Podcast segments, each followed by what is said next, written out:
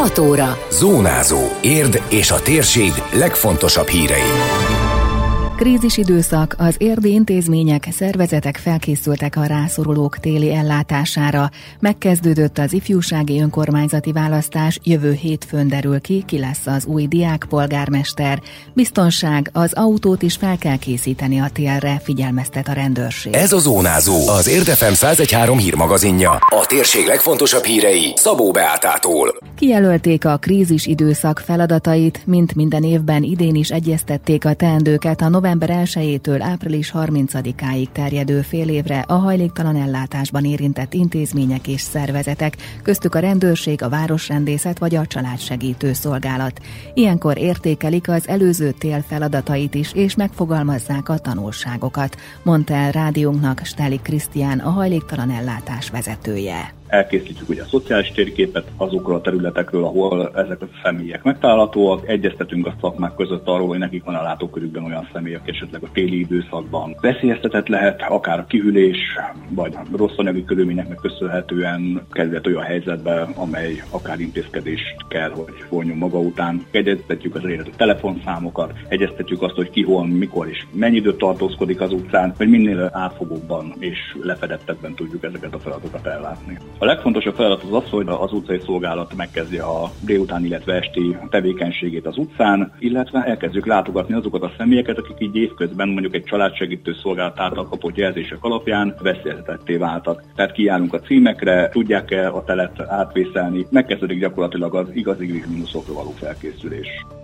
A korábbi évekhez hasonlóan idén is az a tendencia, hogy az intézmény telítettsége ilyenkor még nem százszázalékos, és akad néhány hely, közölte a hajléktalan ellátás vezetője.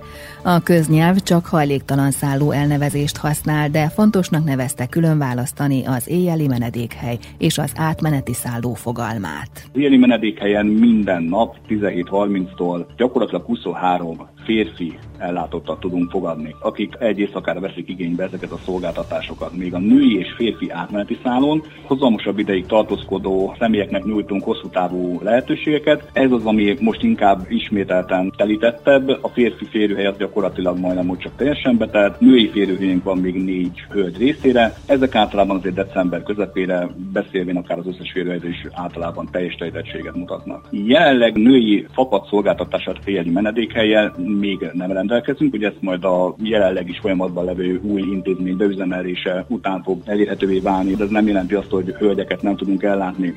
A hajléktalan ellátásban az érintetteknek lehetőségük van tisztálkodásra, napi életvezetési tanácsokat vehetnek igénybe, a nappali melegedőn napi egyszeri melegétkeztetést biztosítanak számukra, gyógyszert, mosószert, tusfürdőt, de segítenek nekik a mindennapi problémák megoldásában is, ügyelnek az esetkövetésre, kinek hogyan alakul a sorsa. Steli Krisztián kiemelte, a visszaintegráció elősegítése elsődleges feladat. Tájékoztatása szerint érden összességében nagyjából 150 főt látnak el, de itt nem a klasszikus hajléktalansága jellemző. Az utcai szolgálatnak átlagosan olyan 70 fő az ellátottsága, de ezben nem mindenki tartózkodik az utcán. Tehát a klasszikus utcai ellátottak száma azért körülbelül olyan 10-15 fő. Az összes többi ügyfelünk általában nem lakáscélú ingatlanokban, kihalt épületekben, gyárépületekben található, de az utca létszám az főleg a időszakban folyamatosan változik. Ilyenkor azért a létszámunk azért az a 100 fő fölött közötti létszámokat is meghaladja. Ehhez még, aki a szállomban van, ez még általában hozzáadódik. Lezajlott a hetedik ifjúsági önkormányzati választás első fordulója. Az érdi középiskolák tanulói hétfőn már voksolhattak, de hogy az esetleges hiányzók, valamint a Kós iskola esetében a gyakorlaton lévők is leadhassák szavazatukat, két napot jelöltek ki erre. Jövő hétfőn lesz a következő forduló, és aznap eredményt is hirdetnek. A jelöltek is bemutatkoztak az értévének az első szavazáskor. A Gárdonyi Géza általános iskola és gimnáziumból a 10. B. Marti Szonya indult a megmérettetésen, aki 9. került az érdi intézménybe. Számomra nagyon fontos a média és a média iránti ismeretek, és szerintem fontos, hogy a diáktársaimnak ezt át tudjam adni, és tudatosan tudják használni ezeket a social media felületeket, mert van egy szép oldala is ennek, illetve egy, egy árnyoldala, ami viszont nem feltétlen takar akarja mindig a, jó dolgokat, úgyhogy én ezeknek a tudatosságát szeretném bevezetni az érdi iskolákban, de emellett szeretném a kulturális tevékenységeket, illetve a sporttevékenységeket is támogatni. A Kós Károly technikum jelöltje a tizedikes Szilágyi Szonya, aki vállalkozás ügyviteli ügyintéző képzésre jár. Először jelentkezett, és mint mondta, várja a kihívásokat. Mindig is érdekelt ez a szervezés, a háttérmunka, és igazából meg programokat szeretnék szervezni az iskoláknak. Rengeteg ötleteink vannak, elsősorban a jégdiszkó, esetleg egy bálszervezés, esetleg egy lamparti, hogy a fiúk érdeklődését is felkeltsük, tehát hogy ami ugye a diákok érdeklődését felkeltik. Igazából mindent vinnék tovább, tehát hogy nagyon ügyesek voltak. A Mariánum általános iskola és gimnáziumból a tizedikes Szeder Hanna szintén először méretteti meg magát, a közösségépítést nevezte a legfontosabbnak, szeretné a tavalyi jelöltjük járvány miatt elmaradt terveit is megvalósítani. Szeretnék változást hozni az iskola életébe. Leginkább a közösségi élettel szeretnék foglalkozni, szóval több klubot szeretnék az iskolába beiktatni. Szeretném az iskolák közötti közösségeket összehozni, hogy jobban megismerjük egymást. Tavaly Harkai Márton volt tőlünk, aki akinek a terveit ugye korona miatt nem tudtuk valósítani, ezért egyeztetés során szeretnék majd én nyomdokaival lépni.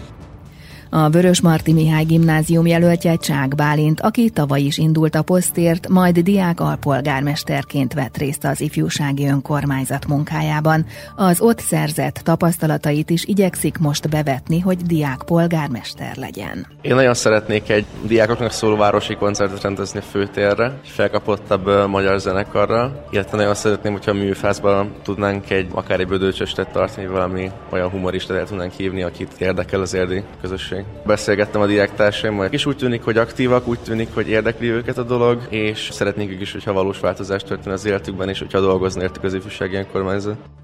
Az ifjúsági önkormányzati választásról videóbeszámolót találnak az Érd moston.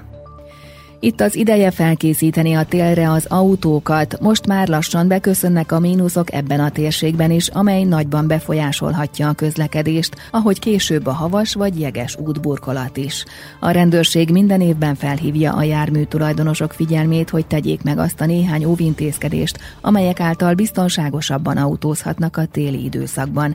Ezt hangsúlyozta Kürti István, az érdi rendőrkapitányság közlekedésrendészeti osztályvezetője is. Igen, reggelente már tapasztalhatjuk azt, hogy a időjárási körülmények jelentősen megváltoztak, és ez mind a járművezetőnek, mind a járművünknek hozzá kell igazodnia. Nagyon fontos ilyenkor szálljunk arra időt, hogy átvizsgáljuk, megnézzük, fagytalanítsuk, jégtelenítsük a szélvédő felületeket, illetve nézzük meg a világító és jelzőberendezéseket is, hogy megfelelően működnek-e. Amennyiben nem, akkor nyilván erre is érdemes akkor intézkedést tennünk, hogy az izzót kicseréljük, vagy esetleg ne induljunk el inkább az autóval, hiszen a láthatósága nagyon fontos ez az autónknak, illetve az is, hogy mi mennyire látjuk majd a közlekedést közlekedőket, a többi közlekedőt az útjainkon. Ilyenkor a hűtőfolyadék, fagyáló folyadékokat, motorolajszinteket érdemes ellenőrizni, és megnézni, hogy annak a fagyáspontja megfelelő-e, tehát egy hidegebb téli időjárás körülmények között is megfelelően védi az autónkat, vagy szolgálja az autónkat. Tehát meg kell tenni mindezt az intézkedést, hogy a közúti közlekedésben már biztonságosan tudjunk részt venni.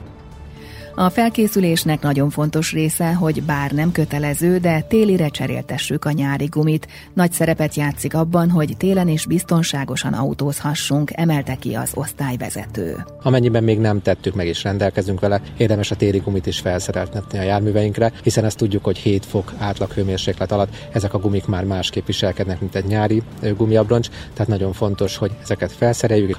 Ezekkel a téli gumiabroncsokkal kapcsolatban az is előírás, hogy itt a profilmérséget is ellenőrizzük, míg egy nyári gumiabroncsnál ez 1,6 mm jelent, addig a téli gumiabroncsnál ez már 3 mm jelent. Tehát amennyiben ezt az értéket nem éri el, vagy esetleg a gumiszerelő műhelyben erre tanácsot adnak, akkor érdemes ezeket is lecseréltetni, átvizsgáltatni, megnézetni.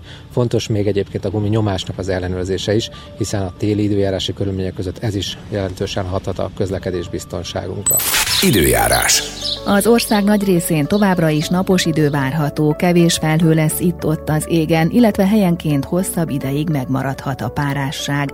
Eső nem valószínű, a szél is mérsékelt marad. A csúcsérték 10 fok körül lesz. Zónázó. Zónázó. Minden hétköznap azért efemen. Készült a médiatanás támogatásával a Magyar Média Mecenatúra program keretében.